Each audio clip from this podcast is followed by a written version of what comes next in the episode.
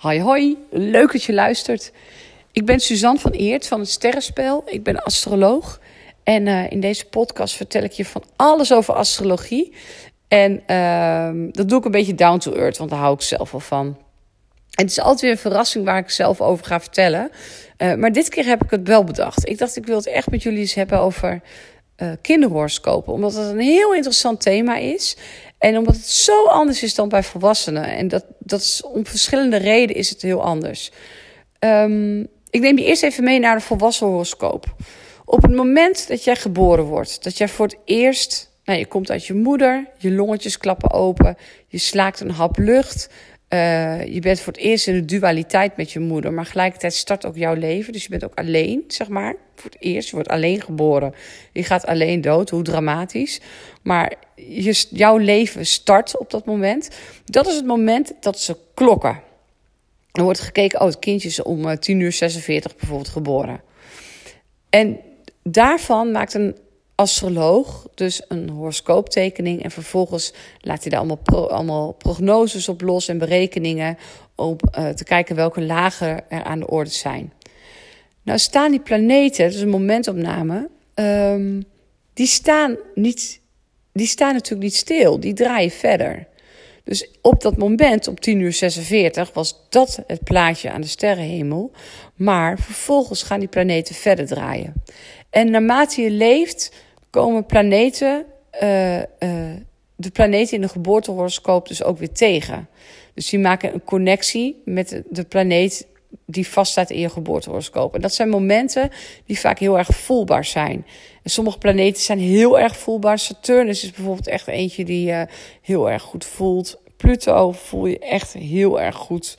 Um, nou, dat is, zo, elke planeet heeft zo zijn eigen thema, zijn eigen kracht enzovoorts. Dus dat gaat alsmaar verder.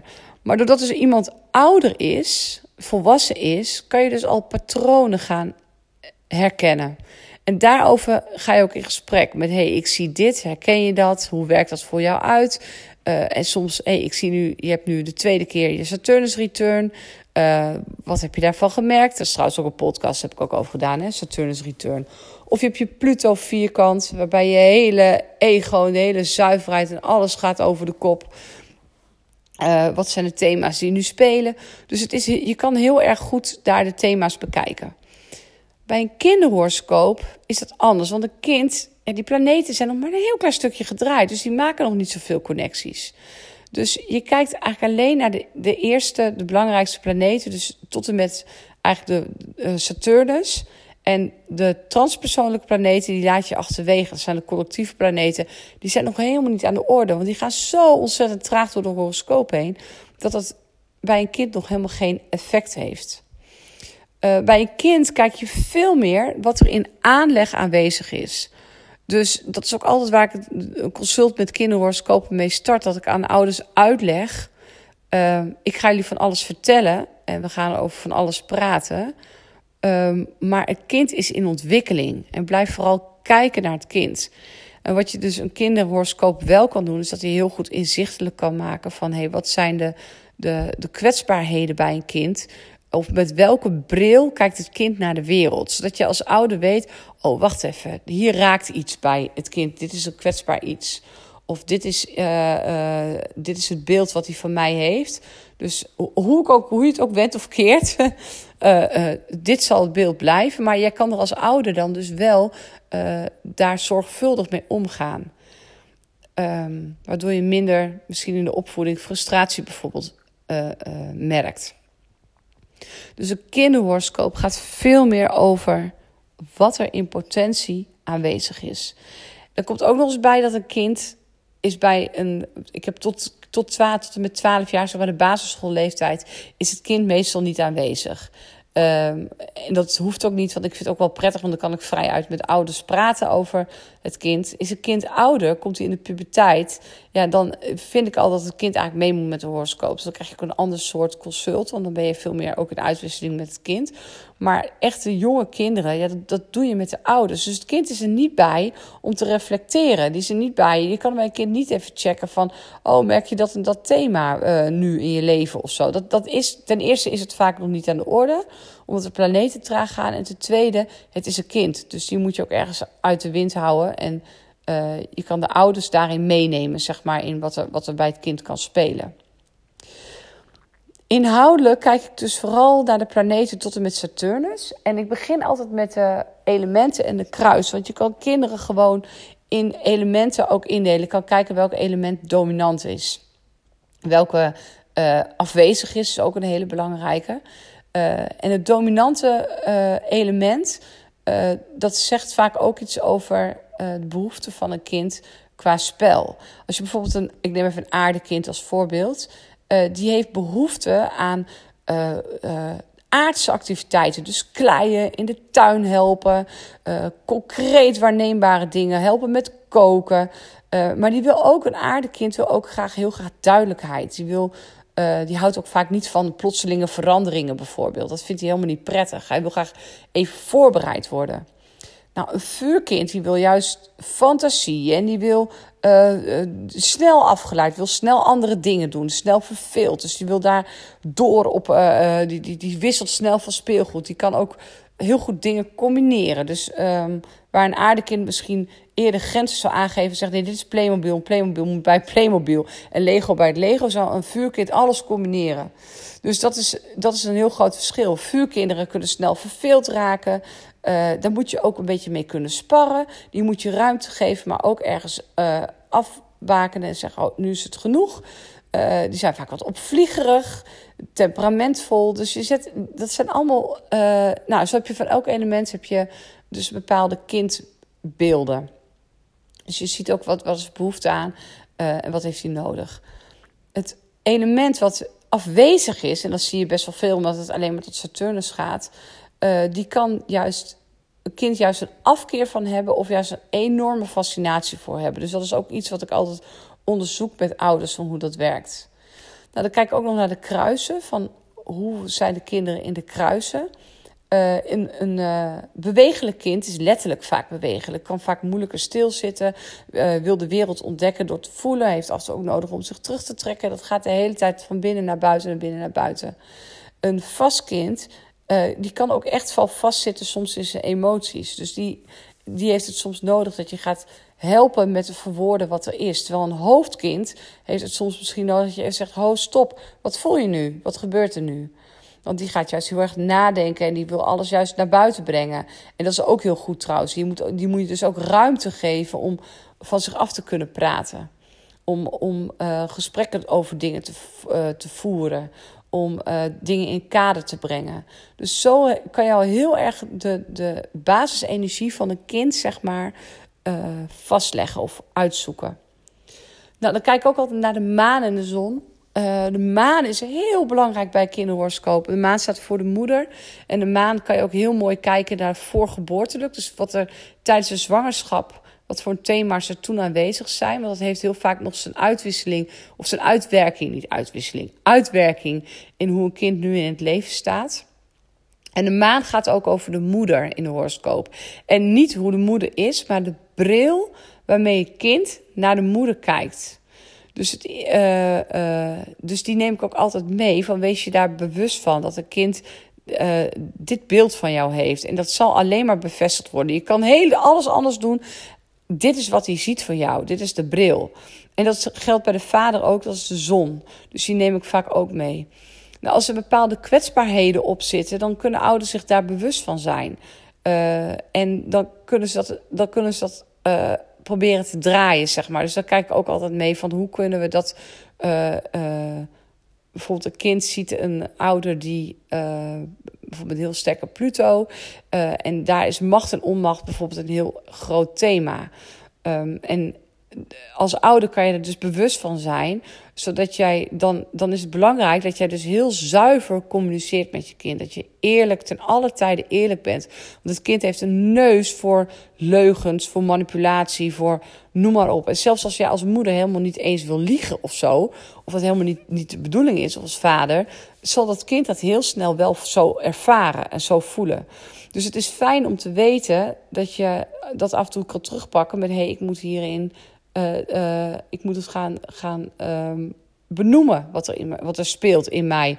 Voor zover het kind dat aan kan natuurlijk op zijn leeftijd. Het moet altijd afgestemd zijn op het kind. Een kind van vier ga je niet met grote thema's lastigvallen. Dus dat is altijd een beetje aftasten.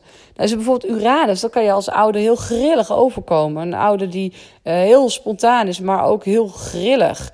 Dus um, daar kan je bewust van zijn. Van hé, hey, ik moet daar af en toe gewoon even het kind meenemen in wat we gaan doen, zeg maar. In plaats van plotseling, uh, we gaan nu dat doen.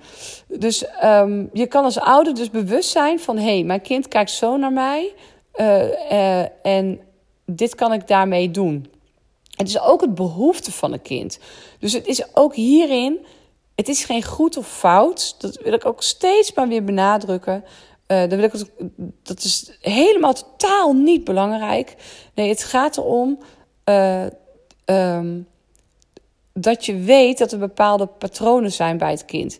En dat je weet dat er kind bepaalde behoeftes zijn. Want heb jij die sterke Pluto, dan is het ook een behoefte van het kind. Want het gaat ook het gaat over de ouder, of de bril, hoe de kind naar de ouder kijkt, met welke bril. Maar het gaat ook over iets in het kind zelf, de behoefte uh, van het kind zelf. Want een kind is altijd, bestaat altijd uit de vader en moeder, is altijd van jullie allebei. Dus dat maakt het de kinderastrologie ontzettend interessant. Um, en ik kijk ook nog heel vaak wel naar de centauren. En dat zijn de familiethema's. Om te kijken van hey, welk lot draagt het kind met zich mee. Wat uit uh, eerdere generaties komt. En dat kan heel verhelderend zijn voor je als ouder. Dat je denkt: oh ja, dit is echt een thema wat bij, bij ons thuis speelt. Uh, uh, om daar bewust van te zijn, zodat het, dat je het kan benoemen. Of uh, en waardoor er meer lucht in komt, zeg maar. Dat neemt niet weg dat het lot dan, dat je dat kan oplossen. Want dit is het lot van het kind. Maar het wordt milder. Je zorgt ervoor dat het kind het lot kan aankijken, zeg maar. Ook dat jij als ouder ook het lot kan aankijken. Dus dat zijn eigenlijk de belangrijkste dingen in een kinderhoroscoop. En bij kinderhoroscoop doe ik trouwens ook altijd, doe bij volwassenen niet. Die mogen het altijd opnemen als ze willen, als ze hier uh, consult bij mij doen. Maar bij kinderen leg ik ook altijd op een verslagje vast. En dat is, uh, nou ja, één A4'tje voor een achterkant, zeg maar. Met gewoon tips, tricks, zodat je altijd even terug kan pakken van... oké, hoe zit het bij mijn kind? Dus het, is, het gaat heel erg om, om het kind volgen. Kijken wat er, wat er aanwezig is van nature... Uh, ja, daar gaat om. Oh, dan ben ik het belangrijkste vergeten. Of de belangrijkste. ik wilde al afronden, maar die wil ik toch nog even vertellen. Uh, dat is Saturnus. En Saturnus in de, in de kinderhoroscoop, dat is uh, de plek waar Saturnus staat. Het huis, dus het levensgebied waar de Saturnus staat. Uh, dat gaat heel erg over waar het kind kwetsbaar is. Waar die zich heel snel afgewezen kan voelen. En er zit gelijkertijd ook een kracht, want dat is ook de plek waar je wil werken, waar je de juiste vorm wil vinden. Dus het is een combinatie van die beide eigenlijk. Maar het is als ouder heel prettig om te weten uh, uh, dat daar een kwetsbaarheid zit bij je kind. En ook hoe je daar dan vervolgens mee om kan gaan. Dus dat, dat bespreek ik ook altijd in de, in de consult. Zodat ouders weten van, oh ja, dit is, dit, is een, dit, dit is een thema dat ze dagelijks leven gewoon tegen kunnen komen. Nou, ik moet daarbij wel even vertellen dat ik Margreet Andriol, dat was mijn docenten, die is inmiddels overleden. Vind ik echt nog steeds heel erg en heel erg jammer ook. Die was echt verschrikkelijk goed in kinderhoroscopen. En dit heb ik van haar geleerd. Dit is echt kennis van Margreet, wat ik, wat ik nou, nu mag uh, voortzetten in de praktijk. En daar ben ik haar nog steeds heel erg dankbaar voor. Dat zij dat uh, zo ontzettend uh, goed en duidelijk heeft uitgelegd. Ik heb ook in de, toen, ik, uh, uh, toen we met het onderdeel kinderhoroscopen bezig waren, toen was ik net bevallen van Joppe. Joppe was een paar weken oud en ik zat in mijn verlof en Joppe ging mee naar de les en aan mijn borst, uh, terwijl hij lekker aan het drinken was bij mij of lekker tegen hem aan lag te slapen, vertelde Margreet van alles over kinderhoroscopen, ook aan de hand van Joppes horoscoop. En daar heb ik zoveel van geleerd. En nu ook, ik las hem laatst ook weer terug. En toen dacht ik echt, dit is gewoon helemaal joppen. Dat is, heeft ze zo ontzettend goed geduid. En juist omdat het over je eigen kind gaat, beklijft het dan heel erg goed. Dus dat is, ik ben daar echt uh, heel erg dankbaar voor dat, dat zij mij dit allemaal heeft mogen leren. En ik hoop dus ook dat ik hiermee uh, andere ouders uh, nou ja, op, op weg kan helpen. om de mildheid erin te houden. Ja, in de, in de opvoeding.